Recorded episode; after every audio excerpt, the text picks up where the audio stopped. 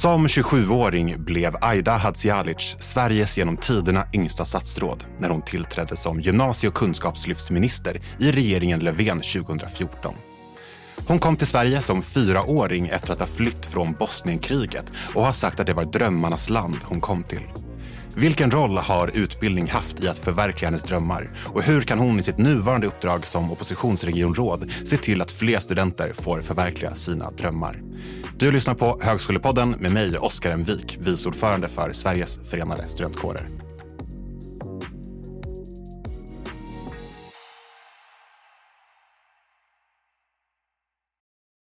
Eh, jag tänkte fråga dig, för att i en intervju 2015 så sa du att eh, när du kom till Sverige att det var drömmarnas land. Hur ser du på det idag? håller fast vid påståendet, ska vi eh, bygga möjligheternas land, drömmarnas land, eh, där den enskilde kan nå sin fulla potential, där vi bygger ett konkurrenskraftigt Sverige, eh, ett kunskapsland, vilket vi i mångt och mycket är. Då måste vi satsa på skolan, den jämlika skolan som ger eh, livschanser och livsförutsättningar oavsett bakgrund och eh, jag själv är väl ett exempel på det. Min familj kom till Sverige 92 som flyktingar från Bosnien. Hade förlorat allt, bokstavligt talat, eh, var fantastiskt tacksamma för att de hade lyckats eh, ta sig levande från den aggression som den gången eh, utfördes mot Bosnien. Och vi fick börja om. Men tack vare att jag fick gå i samma klassrum och samma skolor, få samma lärare som många så att säga, svenska barn fick, eh, så fick jag också en chans att faktiskt bygga mig ett bättre liv. Eh, och så vill jag att alla barn ska ha det, eller ges samma chans och förutsättningar. Och jag är väl orolig över att det inte riktigt är så idag. Mm. Vi har en stor integrationsskuld framför allt, som märks på många olika sätt i allt från stora klassklyftor till den gängkriminalitet och brottslighet vi ser idag. Eh, och jag vill såklart att unga ska känna att det är skolan som lönar sig och är rätt satsning, inte gatan. Mm. Men hur ser du då på liksom det politiska klimatet i, idag? Men vi har ett väldigt polariserat klimat. Det är väl bara att konstatera att Eh, det är så. Även om jag själv skulle önska att vi faktiskt kunde föra mer sakliga samtal oavsett position egentligen. Vi behöver inte hålla med varandra. Men jag tycker vi ska kunna prata med varandra och diskutera och liksom vara intellektuellt hederliga. Mm. Eh, för att sakligt kunna angripa de samhällsproblem som vi har där ute. Sen är det klart att ibland blir det mer polariserat än eh, nödvändigt. Framförallt för att medielogiken är mm. sådan så att även om jag själv försöker undvika det där liksom pajkastningen så att säga, till varje pris så känns det som att man ibland liksom går i den fällan ändå. Eh, och det är för att eh, ja, medielogiken om jag får säga så, kräver det. Mm. Eh, så där skulle jag vilja ha ett medskick till liksom de stora redaktionerna. Vad kan vi göra gemensamt för att komma bort från det? Mm. För det här handlar faktiskt om vår demokrati. Men jag tänker även liksom på, på partierna, att, eh, för jag delar ju eh, din, liksom, din bild av vad som har liksom, vad ska jag säga, eh, fallerat i, i, i samhället. Så. Men det känns så mycket att de liksom, politiska lösningar som kommer hela tiden mer handlar om, eh, om mobilförbud och ordningsregler snarare än liksom, det faktiska. Eh, I vissa fall liksom, integrationsfrågor eller liksom, frågor av, av demokratiskt värde, att vi liksom fastnar i de här små, små mm. satsningarna hela, hela tiden. Hur vänder, hur vänder vi det? Mm. Ja, men det är väl klart att vissa insatser ändå kan vara viktiga. Exempelvis det här att man kanske inte ska sitta och fippla med telefonen eh, i klassrummet. Men jag tror absolut att telefonen eller digitala verktyg kan vara viktiga för att man ska lära sig och framförallt för att eh, barn och unga, eller egentligen vi människor, lär oss på olika sätt. Vissa lär sig genom att lyssna, andra genom att eh, läsa och andra genom att göra. Så att det där måste vi integrera och ha som en del av skolundervisningen.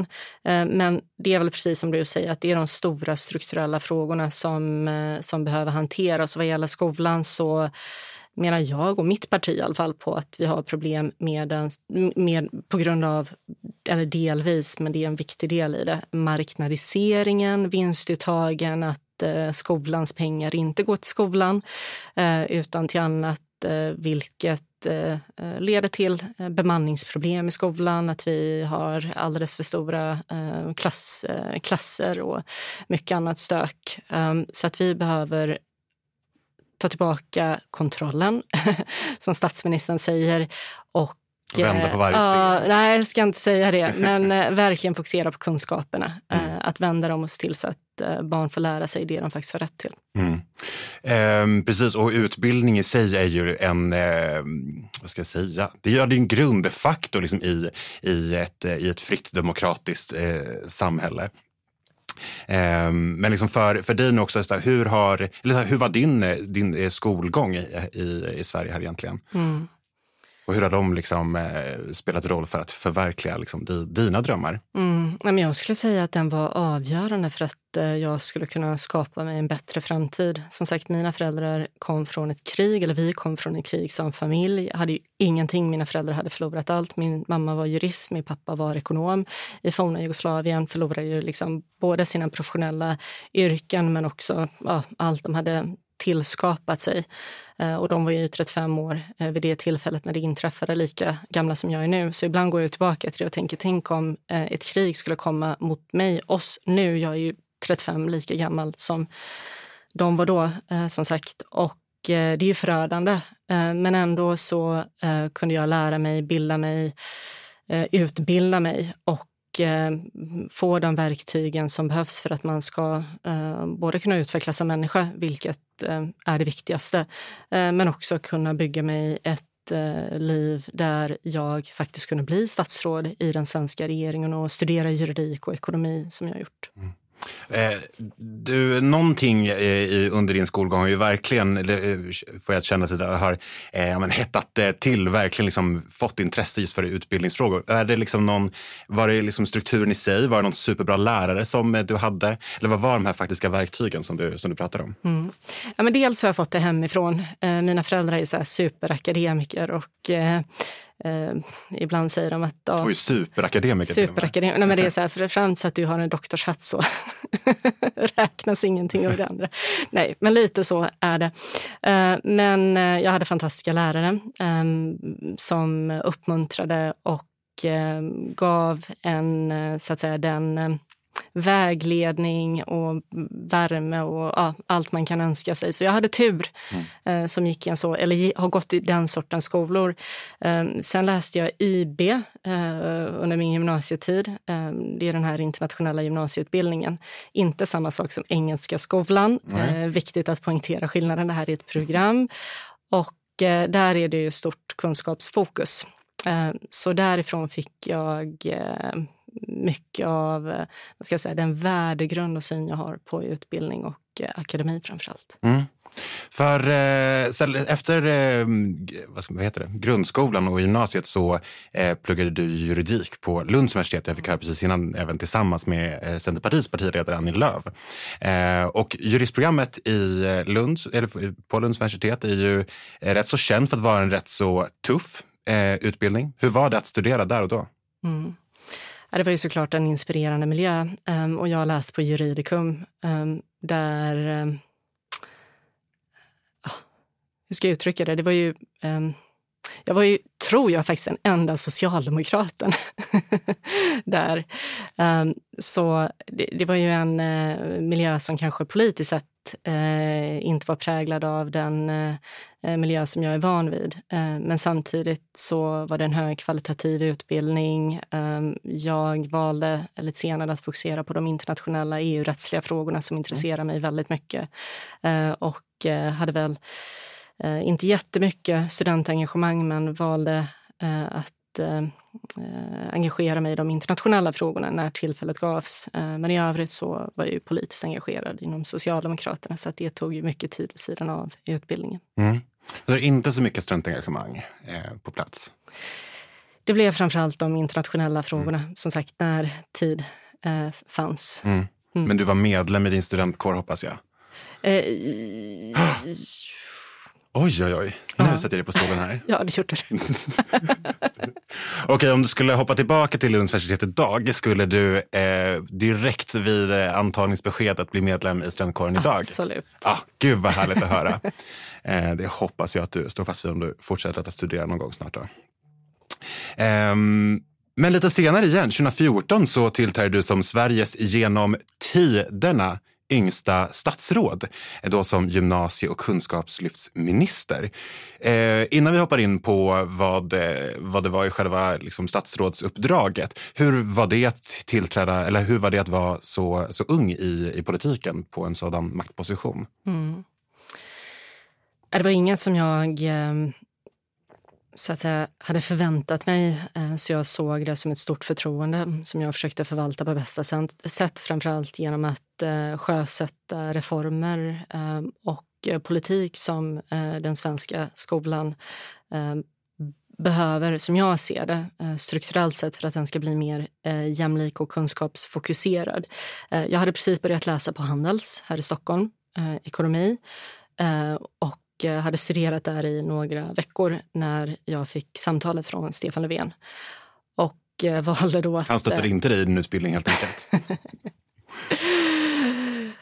jag tror att han eh, hade gjort det om jag hade velat det. Ja. Men det var jag själv och det tar jag också fullt ansvar för som valde att då lämna utbildningen och gå till regeringen. Eh, så det var också ett vägval såklart. Eh, men eh, det är väl naturligtvis ganska tufft och ehm, man jobbar under stor press när man som 27-åring tillträder i en regering och inför en nationell och internationell arena. Men jag är väldigt stolt över de olika reformerna och den politiken som vi satte igång under min tid på utbildningsdepartementet. Mm. Alltså, jag har ju varit engagerad i utbildningsfrågor sen, eh, jag tror att jag, eh, innan jag började gå så började jag engagera mig för, för utbildningsfrågor. Och någonting som ju har följt med mig hela tiden i just att ja, när den ska eh, fightas lite med, eh, med rektor eller med olika lärare eller politiker, att det är väldigt mycket eh, klappa på huvudet, attityden att jag kommer förstå när jag eh, blir äldre, eller så här, jag är för ung. Eh, var det någonting som du eh, upplevde som, som statsråd? Mm är det väl klart att det fanns sådant. Det kom ju hela tiden eh, artiklar, framförallt i början på min ministertid, där man mätte och eh, jag var vid det tillfället en av de nyare, eh, eller kanske nyaste statsråden, politikerna, eh, nationellt sett och i, i, i regeringsställning. Eh, så det var massa mätningar om pressklipp och hur ofta får man ut sin eh, politik medialt och eh, det kom ju mycket, mycket sådan press. Och jag då som, får jag väl erkänna, ja men jag, herregud, jag, du hör, jag, jag har pluggat mycket i mitt liv. Det finns ju den här eh, duktiga flickan i mig. Mm. Eh, så jag satte ju jättehård press på mig själv. Att jag minsann skulle leverera. Eh, både i politik, reformer, propositioner mm. och allt annat för att visa att eh, jag är regeringsduglig. Eh, och eh, tycker som sagt att vi lyckades prestera det på utbildningsdepartementet. Men, men det innebar samtidigt att jag satte väldigt mycket press på mig själv. Mm. Och det här då, kunskapslyftsminister. Vad var kunskapslyftet? Mm. Min portfölj bestod ju i huvudsak i alla fall av två delar. Dels eh, gymnasieutbildningen med allt vad det innebär och den andra då var kunskapslyftsportföljen som egentligen på bredden handlade om vuxenutbildningarna, yrkesutbildningarna och och eh, ja, allt som har med någon form av eh, kompetensutveckling att göra. Eh, vilket såklart är extremt viktigt för kopplingen mellan eh, utbildning och arbetsmarknad eller arbetsliv. Och vi eh, byggde ut vuxenutbildningen, eh, byggde ut yrkesutbildningen också. Eh, jag var ju mån och är fortfarande väldigt mån om att yrkesutbildningarnas status ska höjas. Jag är själv akademiker och tycker akademin är väldigt viktig.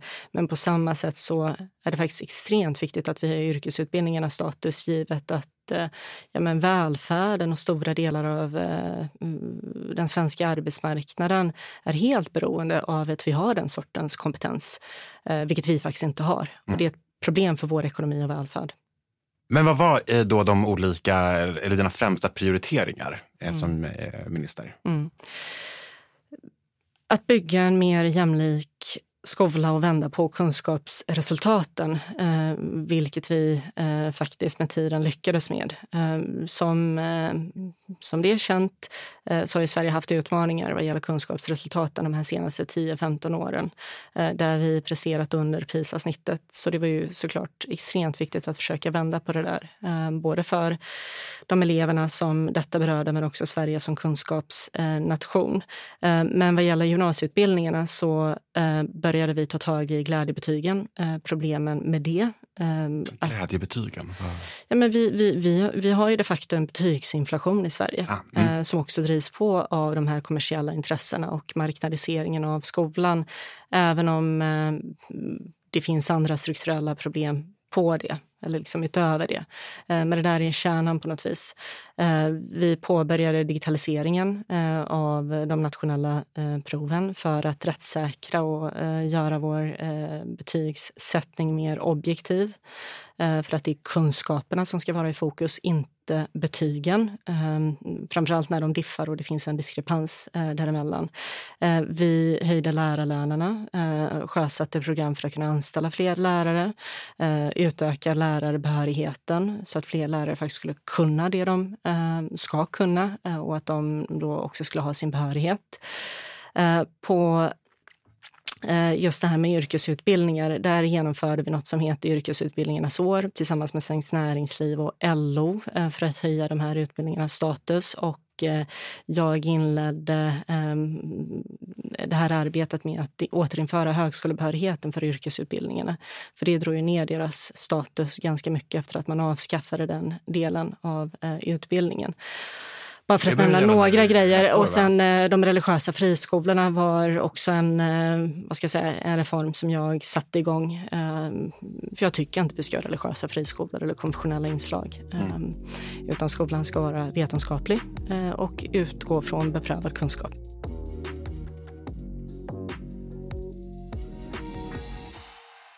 Men om vi hoppar lite till just eh, lärarutbildningen och lärarutbildningen, eh, lärarutbildningens status. Eh, så är ju det, eller lärarutbildningen är ju verkligen en, en het politisk fråga i många områden. Mm. Och det ska tillskjutas massa medel och nya ämnen och allt möjligt som ska, som ska in i det här helt enkelt. Men mycket ser vi kanske inte riktigt helt går i linje eller med just att, att öka lärarutbildningen som mm statusprofession. Och det ser vi nu både när vi ska, eller förslagen om att korta eller förkorta den kompletterade pedagogiska eh, utbildningen. Och jag tror att, eh, nu har jag kollat lite för mycket på eh, Jesper Rönndahls eh, Vem mördade den svenska skolan? Men att eh, det är väldigt enkelt att komma in på, på, eh, på lärarutbildningen. Och några år har det varit fler sökande till Paradise Hotel än vad det har varit till, mm. till lärarutbildningen vad, behövs, vad behöver vi göra mer för att faktiskt ge lärare liksom den status de behöver? Mm. Jag tror att det är en kedja vi pratar om här. Eh, ska vi höja lärarutbildningarnas och eh, lärarnas status så handlar det om allt från att de ska Eh, få tillbaka sin eh, status som auktoriteter i, inom den svenska skolan med eh, bra löner, bra villkor, god arbetsmiljö, ordning och reda i klassrummen eh, så att de får vara de ledare, kunskapsledare och tankeledare som de faktiskt eh, är.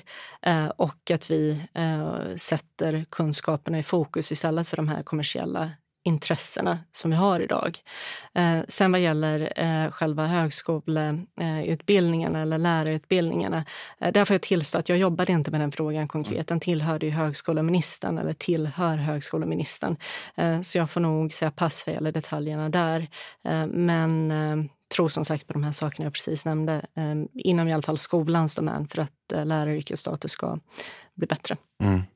Eh, du nämnde innan eh, högskolebehörighet för yrkes, eh, yrkesprogram på, mm. på gymnasialnivå.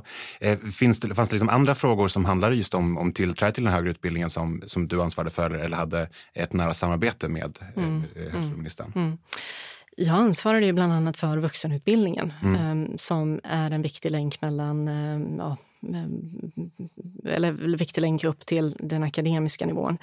Ehm, vi byggde ut den ehm, väldigt mycket ehm, genom det här så kallade kunskapslyftet. Både vuxenutbildningen generellt men också det som då är yrkesvux med fokus på yrkesutbildningar. Vi stärkte kopplingen till SFI, för det här var en stor fråga på den tiden, 2015, då det kom väldigt många från Syrien. Så vi behövde en länk mellan det svenska språket, yrkesutbildningar, vuxenutbildning för att folk som kom till Sverige skulle ja, ut på arbetsmarknaden såklart så fort som möjligt. Och då var ju utbildning något jätteviktigt, eller är det fortfarande såklart, samma vad gäller validering. Um, så där har du liksom, ja, ehm, eh, några exempel i alla fall på det som vi genomförde väldigt aktivt då, eh, inom ramen för det som Ylva Johansson vid det tillfället kallade för snabbspår, om snabbspår. du kommer ihåg mm. det. Ja, låter, ringer en liten, mm. liten klocka. Mm. Eh, men eh, du är ju eh, kanske då mer inne i spåren av den högre utbildningen idag, för du sitter ju sedan något år tillbaka i styrelsen för Högskolan i Halmstad. hur fick du den rollen kan vi väl fråga? Mm. Jag blev tillfrågad men får väl erkänna att det handlar om eh, en kombination av lokal patriotism för mig. Jag är från västkusten, från Halmstad och Halland. Eh, men också för att jag brinner för de här frågorna och eh, vill gärna behålla någon form av koppling till ehm, till skolvärlden i och med att jag nu framförallt um, arbetar med um, Stockholmspolitiken. Mm. Eftersom jag är regionråd numera. Mm.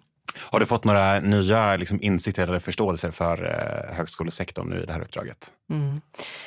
Att vi har den jämlika eh, högre utbildningen som vi faktiskt har i Sverige tror jag är väldigt viktigt för ekonomin men också att hela landet ska leva och kompetensförsörjningen. Eh, I Halland och på västkusten då så skulle jag säga att eh, högskolan i Halmstad är väldigt viktig för exempelvis eh, kompetensförsörjning inom skolan, inom sjukvården, eh, IT, eh, eftersom det är den sortens utbildningar som man fokuserar på. Eh, så välfärden hade ju exempelvis inte klarat av sitt uppdrag om inte högskolan hade eh, funnits där den är. Mm. Jag vill inte peka ut Högskolan i Halmstad alldeles för mycket nu, så att jag, jag frågar inte specifikt om, eh, om dem eller er. ska vi säga. Mm. Eh, men vilka liksom, stora frågor tror du, eller vilka utmaningar ligger lärosätena? Mm. Eh, vilka, vad sa jag? Vilka utmaningar ligger framför, mm, framför dem? Generellt sett, ja. Uh, men, där tror jag att det handlar om att vidhålla kvaliteten jämt eh, över hela landet. Vi, vi, vi, vet ju nu att det finns vissa, framförallt mindre lärosäten som har svårt att eh, dra till sig den kompetensen de behöver för att sin tur kunna lära ut på rätt sätt. Eh, och på samma sätt då som en konsekvens av det kanske att man inte lyckas eh, rekrytera tillräckligt många studenter. Eh, vilket då blir ett moment 22 såklart. Mm. Eh, hur länge sitter ditt eh, mandat nu? Ehm, jag blev vald förra året så att eh, jag förutsätter att jag sitter där så länge regeringen vill ha mig. Mm, kul!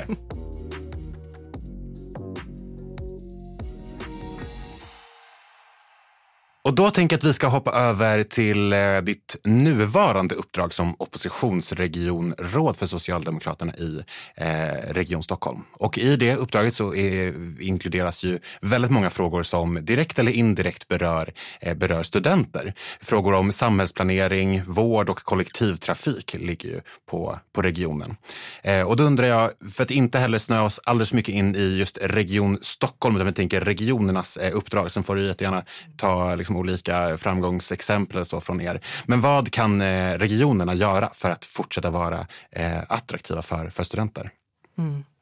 Det är ju lite svårt att prata så generellt, så jag får nog ändå använda Region Stockholm som eh, exempel. Men eh, om man nu utgår från eh, det allmänna läget så är eh, våra högskolor och universitet ofta navet eh, för de flesta, eller för våra olika regioner.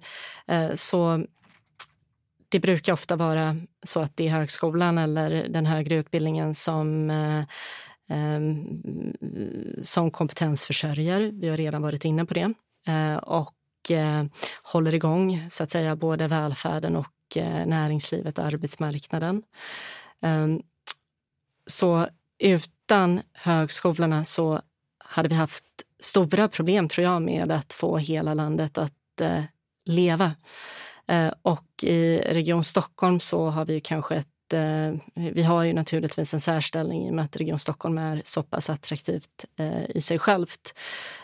men jag tror att det behövs en aktiv samverkan mellan högskolorna, våra högre lärosäten och regionerna för att varje respektive, eller varje region i sig ska kunna klara av sin attraktionskraft för att kunna rekrytera framtidens elever. Men det är lite svårt att svara på, på, på frågan mer specifikt för att förutsättningarna är så mm. olika runt om i landet. Skulle jag vilja säga. Skulle du säga att Stockholm är en studentvänlig stad?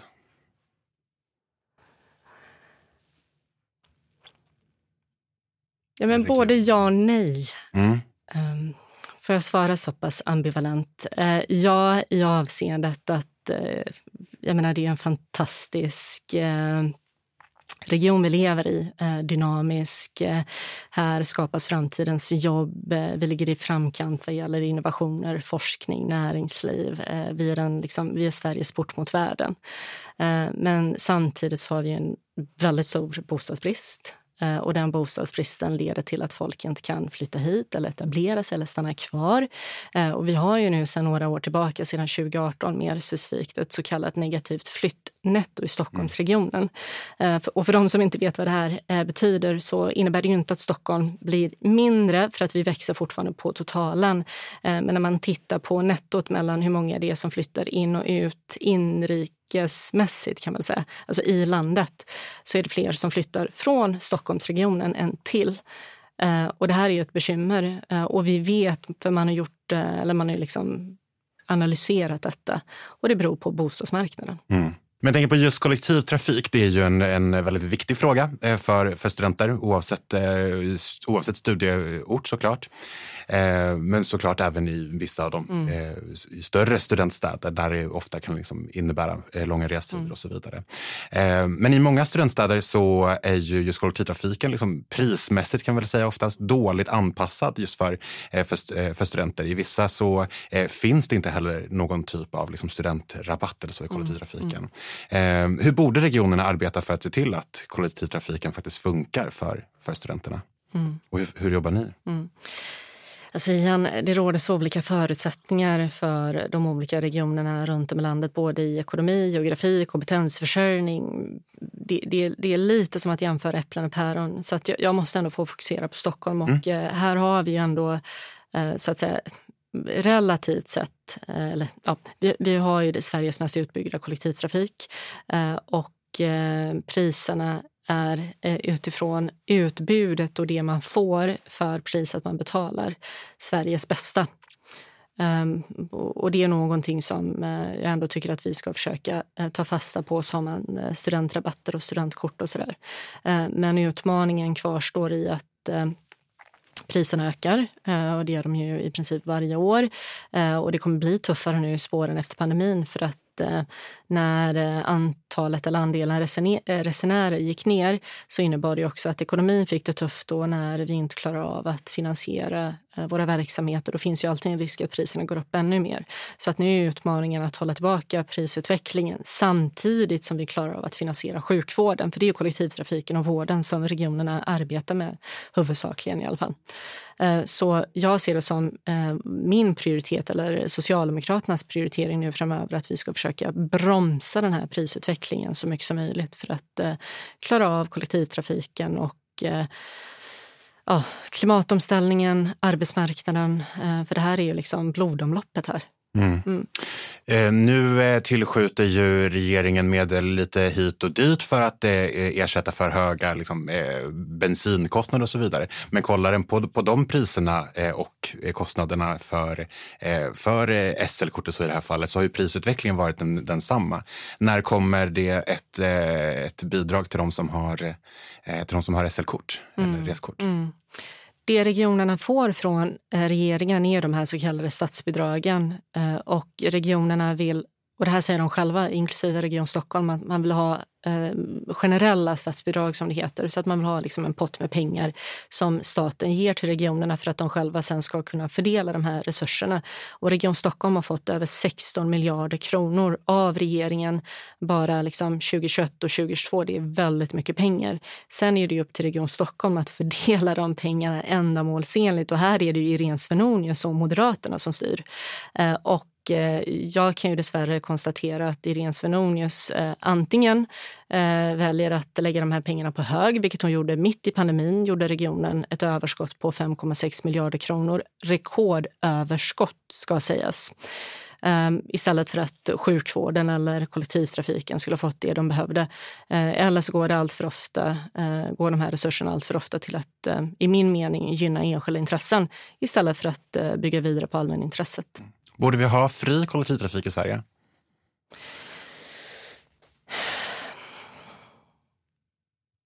Ja, men just nu skulle jag nog säga att eh, det inte är särskilt realistiskt att prata om det eh, i närtid. Eh, men jag tycker absolut att man skulle kunna ha det som en vision. Vi vet ju att det finns eh, olika, eller ett, ett par exempel i alla fall på städer runt om i eh, Europa som har tittat på det här. Om inte jag minns helt fel så är det Italien och Berlin framförallt som, eller som har gått längst med mm. det här. Mm. Du var tidigare också inne på, eh, på eh, vården mm. i, i regionen.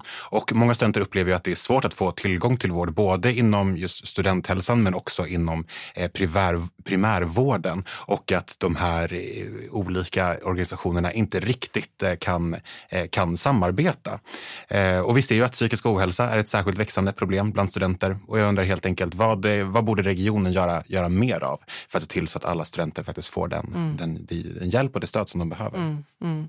Ja, men de här två som du nämner är kommunicerande kärl eh, och eh, primärvården är eh, bottenplattan så att säga, i sjukvården såväl i Region Stockholm som i resten av landet. Ehm, och Region Stockholm, då, om vi ska prata om platsen där vi befinner oss är Sveriges rikaste region. Vi har den högsta skattesatsen i landet, skattekraften eh, och borde egentligen kunna eh, prestera Sveriges bästa sjukvård här, där patientsäkerheten garanteras. Eh, men lite för att åter, anknyta till det jag sa tidigare, problemet är att de här pengarna och resurserna som finns här inte används ändamålsenligt, inte går till sjukvården. Så om jag får bestämma så ska vi Eh, i framtiden bygga ut primärvården och patientsäkra våra sjukhus och se till så att vårdens viktigaste resurser, vilket är vårdpersonalen, ges rätt förutsättningar att göra sitt jobb. Men då måste vårdens pengar gå till vården, inte kommersiella intressen eh, och annat som de gör eh, idag. Och då om vi klarar av primärvården eh, så kommer vi också klara av första linjens psykiatri som ett exempel mycket bättre. För den verksamheten går på knäna nu, men det beror också på att våra vårdcentraler runt om i regionen går på knäna eh, och de är inte jämlikt fördelade. Eh, vi alla i Region Stockholm betalar exakt lika mycket i skatt om man nu är eh, så att säga, skattebetalande medborgare. Eh, men vi får olika tillgång till sjukvård, vilket verkligen inte är eh, jämlikt. Bara som ett exempel. Nu pratar vi om psykiatri, men vi ser det inom andra vårdområden också. Vi har sex vårdcentraler i Östermalm, men ute i Tensta har vi bara två. Och man kan fråga sig var vårdbehovet är som störst. Jag, och jag vill verkligen säga detta. Jag inga som helst problem med att folk i Stockholms innerstad eller på Östermalm har så god tillgång till sjukvård. Det ska de ha, även under Socialdemokraterna. Eh, men jag vill ha mer jämlikhet, att även de som bor ute i förorten eller i Nynäshamn eller i Haninge eller eh, Norrtälje, att alla ska ha samma goda tillgång till sjukvård oavsett eh, socioekonomisk klass. Eh, och så även studenter. Mm. Mm. Vi ska alltså inte plocka bort eh, vårdcentraler och Nej, tvärtom. lägga till. Men hur kan vi då eh, stärka kopplingen mellan primärvården och studenthälsan? Eh, om, de, om det fanns pengar till, till det för att göra olika satsningar, hur skulle, mm. hur skulle ni göra det? Mm. Um, men jag tror att det här kommer vara en flerstegsraket eller flerstegsprocess. Men eh, steget är att bygga ut primärvården och vårdcentralerna och se till så att varje kommun, varje stadsdel faktiskt har det här som ett gott nav med första linjens psykiatri som en integrerad del av de verksamheterna för att sen då kunna ta steget till gott samarbete exempelvis med studenthälsan. Men det blir svårt om man inte har den här grundinfrastrukturen och det har vi inte i Region Stockholm idag. Trots att vi har resurserna. Det är det som är paradoxen i den här regionen. Mm. Du, tack så jättemycket. Eh, jag tänkte att eh, vi skulle avsluta det här med lite fem snabba. Som du inte har eh, fått på, på förhand. Det kommer inte vara jättekontroversiellt hoppas jag. Eh, du får passa. Är du redo? Mm. Då undrar jag, vilken är den senaste boken du läste? Eh, läser Ray Dalio Principles. Annie Lööf eller Nooshi Dadgostar? Pass. Vem var den senaste personen du ringde? Min pressekreterare. Vilken är din bästa guilty pleasure-låt? Oj, just nu är det Madonnas Holiday. Oh, otroligt. Och ska vi ha mer eller mindre public service? Eh, mer. Eh, och med det så säger jag tack så jättemycket, Aida, eh, för att du kom hit. Tack till er. Tack för att ni har lyssnat. Música